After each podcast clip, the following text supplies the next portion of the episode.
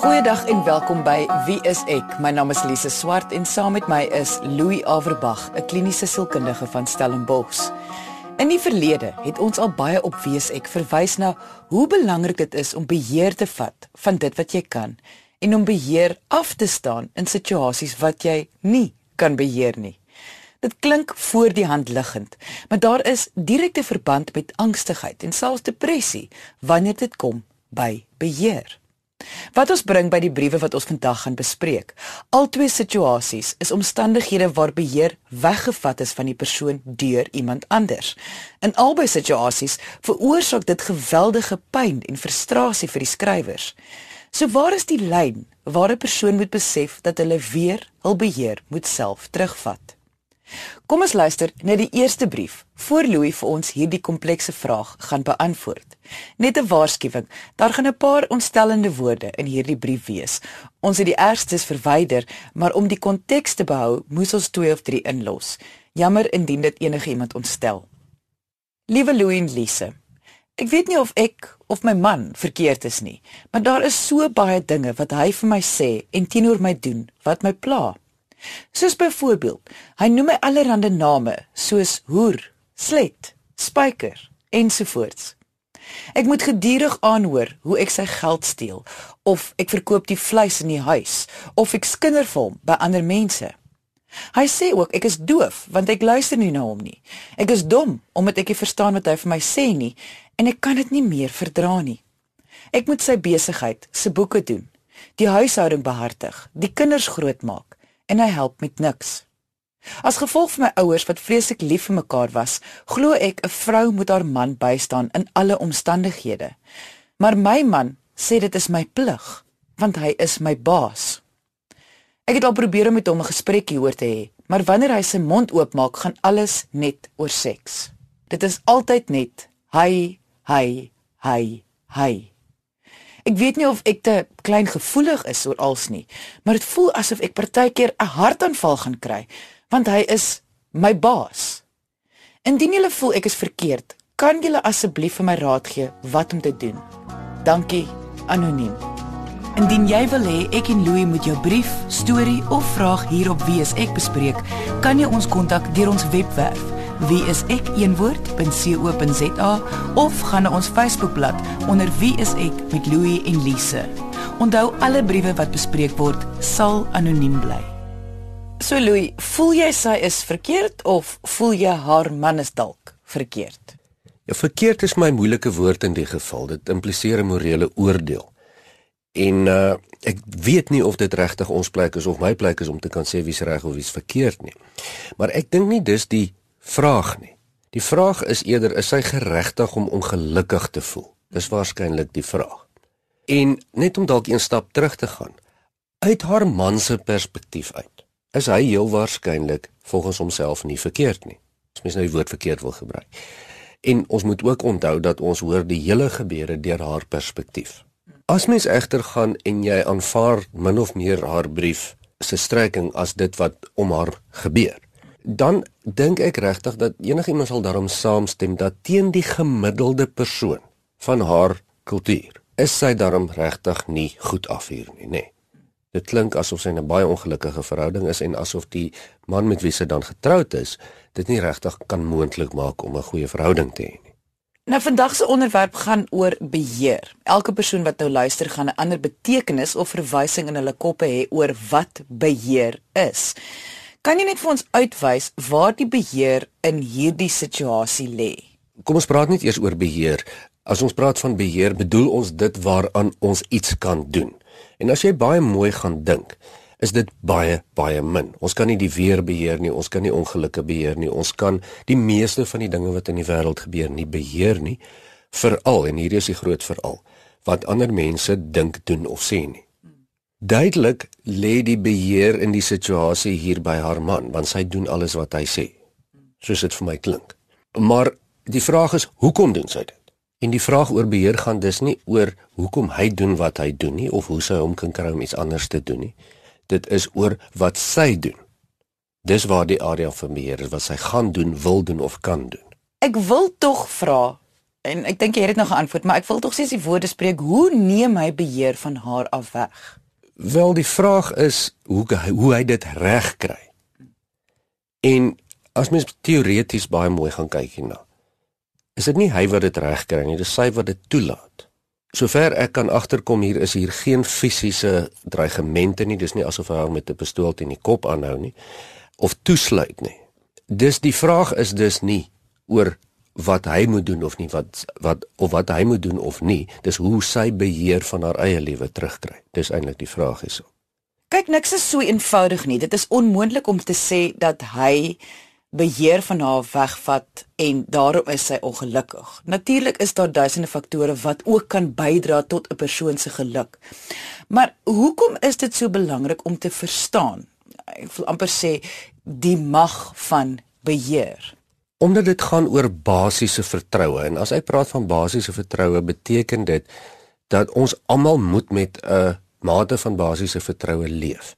As mens mooi gaan dink oor beheer, is dit moontlik dat ek en enige ander persoon wat nou na ons luister enige oomblik kan dood neerslaan van 'n hartaanval. Dit is mos moontlik. Dit is moontlik as waar iemand nou in hulle voertuig na ons luister dat hulle 'n ongeluk kan wees. Ensovoorts ensovoorts. Ons kan egter nie leef asof dit op die oomblik gaan gebeur nie. Al is dit teoreties waar. Ons moet onsself rangskik dat ons genoeg glo dat dit nie gaan gebeur nie dat ons daarom kan leef. En om dit reg te kry, moet ons daarom 'n paar goedjies kan beheer in ons lewe. En as dit as as selfs daai ou paar goedjies dan nie meer daar is nie dan begin die ongelukkigheid want dan voel ons ons het nie beheer nie. Ons het nie mag oor ons eie lewe of ons eie doen en late nie. Wat ons nie eintlik het nie maar ons moet glo ons moet 'n bietjie hê. Jy luister na wie is ek met Louie en Lise op RSG 100 tot 104 FM kan die skrywer dan weer beheer terugneem oor haar eie lewe? Absoluut. En ek wil weer sê teoreties natuurlik kan sy En ek weet dit is baie maklik om te praat. Dis nie so maklik nie. Jy weet onmiddellik gaan iemand vra maar hoekom het sy los sy nie hierdie man nie? En die antwoord sal onder andere wees dis nie so maklik nie finansiële redes ensovoorts uh, waar sy woon, hoe haar lewe gerangskik is of of haar praktiese omstandighede, dis nie so maklik nie. Maar sy is duidelik ook nie bereid om die implikasies te oorweeg daarvan op hierdie oomblik nie en sy sal nie kan beheer neem van haar lewe tensy sy bereid is om die implikasies te oorweeg van as sy anders gaan begin optree nie. Kyk, die feit dat sy twyfel of sy reg of verkeerd is in hierdie situasie wys vir my dat sy baie gaan sukkel om weer enige vorm van beheer terug te neem. Dit voel vir my sy is al te lank in hierdie situasie waar haar man die reg toegeëien het om haar so te hanteer. So hoe nou? Hoe gaan sy of enigiemand anders wat homself in 'n soortgelyke situasie bevind dit regkry? Ek dink jy's reg. Deur haar brief kan mens aflei dat sy vertrou glad nie haar eie oordeel nie. Dis asof haar eie gedagtes al vasgehak het. En dit is natuurlik ook, kom ons aanvaar, sy is in 'n opsie van verbale mishandeling. Dit is 'n situasie wat mens kan afkraak dat jy jou selfvertroue heeltemal verloor. Maar ons moet nog steeds onthou hy hou nie 'n pistool teen haar kop nie. Jou vraag is hoe gaan sy dit regkry? Sy sal moet besef dat niks gaan verander nie. En ek dink dit is die onderliggende ding aan die brief. Is sy vra nie hoe kan ek hierdie ding verander nie. Sy vra net vra oor is dit reg, is dit verkeerd? En eintlik gaan dit hier oor dat haar situasie baie drasties moet verander en sy sal dit moet bedink en bereid wees om die implikasies daarvan te oorweeg. Anders gaan niks verander nie. Die antwoord lê dus nie vir hom om te begin anders optree nie. So alles gaan eintlik oor opsies van 'n persoon se konteks. Met ander woorde, wanneer ons voel ons het nie beheer binne 'n situasie nie, dan moet 'n mens kyk na jou opsies en besluit wat jy kan beheer en wat nie. Maar kom ons wees net gou eerlik. Niemand kan 'n ander persoon beheer nie. So sy kan nie haar man beheer dat hy anders moet wees nie. En sy probeer ook nie. So kan jy net ter wille van duidelikheid voorbeelde gee van moontlike opsies wat sy dan kan neem. Ja, uiteraard is hier duisende opsies wat sy kan oorweeg. Hier's letterlik duisende opsies en ons kan dit van totaal absurd af na meer realisties toerangskik. Absurd kan ons sê sy kan dit klink vir my hulle werk met vleis. Sy kan 'n byl vat en hom doodkap as sy wil. Dis 'n opsie. As sy bereid is om die implikasie daarvan te hanteer.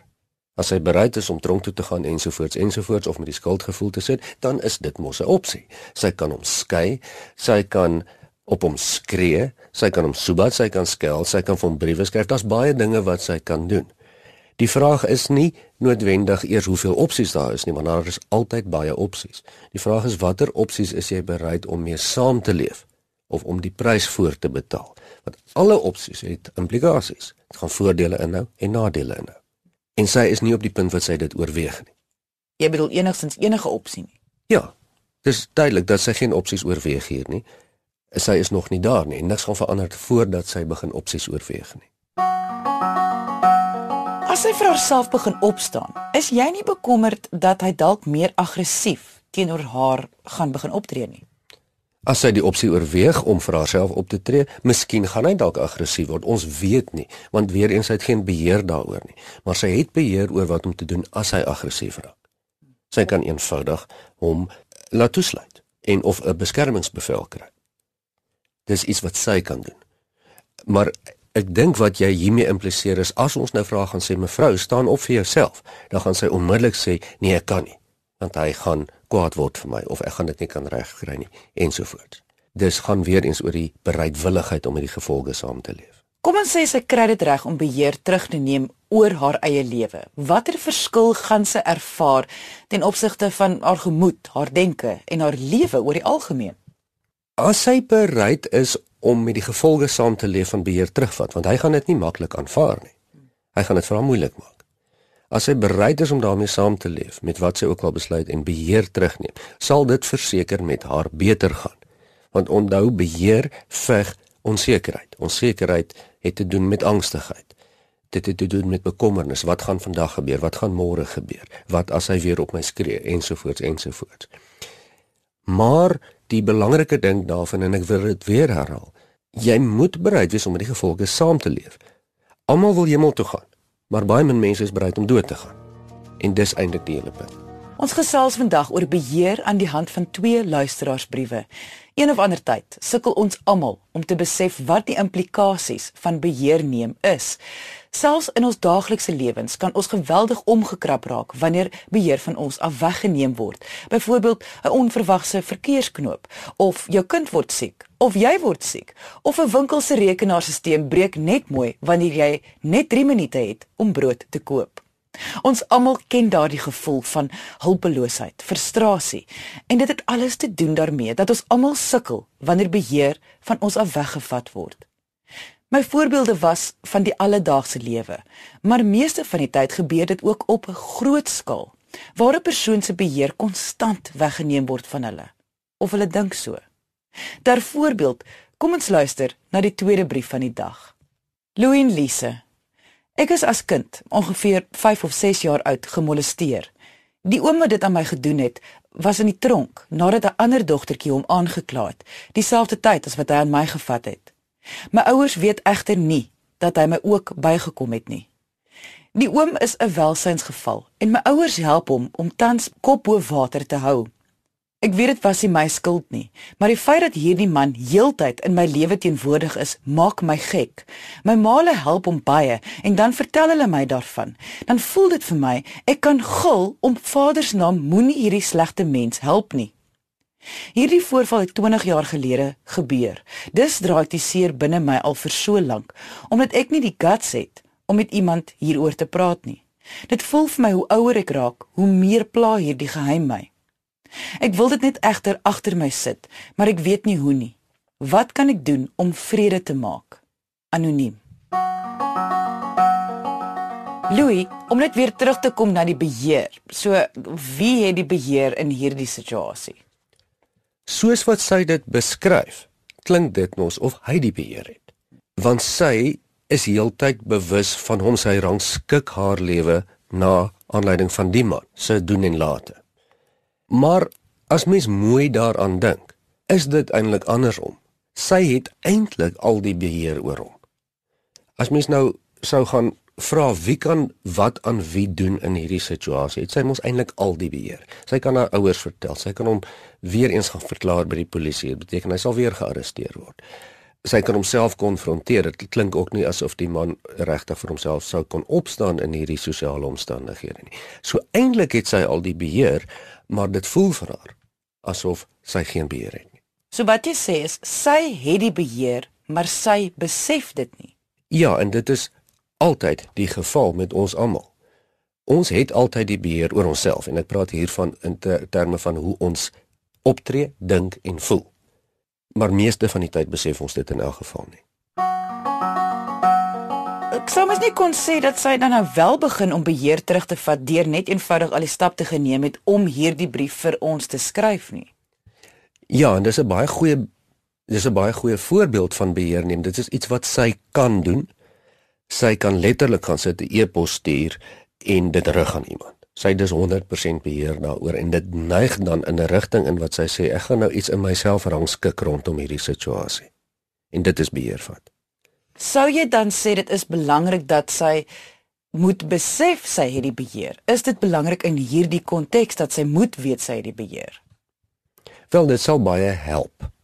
Maar gewoonlik is dit baie moeiliker vir mense om hulle gedagtes te rangskik en te dink en hulle self amper te ooreed dat hulle beheer het. As wat dit is om eenvoudig op te tree. En die feit dat sy soos wat jy sê klaar 'n brief geskryf het, beteken sy begin meer beheer vat want dit gaan oor haar gedrag. Jy het vir die advertensiebreek gesê dat 'n persoon na hul opsies sal moet kyk binne die konteks van hul eie omstandighede. Ons kan tog nie met ander woorde vir haar sê wat sy moet doen of nie moet doen nie. Kan jy net weer binne die konteks van hierdie brief dalk 'n paar opsies noem as voorbeelde? Ja, en weer eens wil ek sê daar's soos gewoonlik duisende opsies en kom ons rangskik dit weer op 'n spektrum van van belaglikheid. Ons kan aan die een kant kan ons sê sy tog 'n opsie om die man te bestorm en met 'n stok oor die kop te slaan as sy wil. Ehm um, sy het ook aan die ander kant van die spektrum het sy die opsie om vrede te maak met hom as sy sou wou en al die ander opsies tussenin sy sou dit met hulle met haar ouers kon bespreek. Eintlik sou sy die situasie kan hanteer net soos wat sy wil, solank sy bereid is om met die implikasies saam te leef, met ander woorde bereid is om die prys te betaal vir wat jy doen as jy beheer neem. Nou alle opsies het implikasies soos jy sê. Dit is hoekom die meeste van ons geneig is om op te gee om na opsies te kyk omdat ons al moedeloos is vir die implikasies van elke opsie. So eh, watter motivering kan 'n mens vir iemand gee om aan te hou soek vir opsies? Kyk, as mens kyk na motivering, dan is daar twee maniere wat mens gemotiveer kan wees. Jy kan of gemotiveer wees na iets. In ander woorde, ek wil gemotiveerd en optimisties wees om beheer te neem van my eie lewe want ek weet dit sal vir my goed wees daar's ook 'n negatiewe manier van motivering dat dinge vir my so onaanvaarbaar is waar dit op die oomblik is dat ek net wil wegkom daarvan af. Met ander woorde 'n weg van motivering. En as jou positiewe motivering nie werk nie, dan sal jy baie gou agterkom dat jou weg van motivering gaan jou in 'n stadium inhaal en dan gaan jy maar in elk geval gedwing wees. Wat ek hierby probeer sê is in albei ons luisteraars se briewe se geval is ek heeltemal oortuig dat hulle nie bereid is om die res van hulle lewe so te leef nie. En dis nie omdat hulle noodwendig voel dat daar 'n po meer positiewe manier is nie, dis net dat dit waar hulle is is onuithoudbaar. En dis genoeg. Jy luister na Wie is ek met Louie en Lise op RSG 100 tot 104 FM. Indien die skrywer niks doen nie en net so aangaan soos nou, watter effek gaan dit hê op haar? Dit het 'n klare effek op haar. En dit hou die trauma in stand. Met ander woorde, solank wat sy met hierdie man te doen het, sneller hy dan onaangename herinneringe vir haar. En jy kan klaar hoor dat sy nogal angstig is oor hierdie ding. Dit plaar baie haar gemoed is betrokke in hierdie aangeleenthede. So dit mens kan duidelik aanvoel as sy nie iets daaraan gaan doen nie, as die situasie nie op 'n stadium verander nie, gaan dit met haar al hoe slegter begin gaan. En verander kan enige iets wees, selfs wegtrek. Maar tipies met trauma soos hierdie wat plaasgevind het en dit dan in stand gehou word deur die persoon wat heeltyd teenwoordig is, hou die trauma aan, want elke keer as sy hom sien, dan se sneller dit herinneringe. So ja, dit kan met haar baie sleg gaan as dit aanhou soos wat dit nou is. En sou jy sê dit geld ook vir die eerste brief se skrywer as sy ook in 'n situasie bly waarin sy is, kan sy begin meer angstig raak en amper sê selfs begin 'n depressie ontwikkel. Ja, enige iemand wat hulle in haar posisie kan insit. Al is dit net haar ervaring daarvan kan dink hoe sleg dit moet wees. Sy sê eintlik klaar vir ons, sy kan dit nie meer hanteer nie.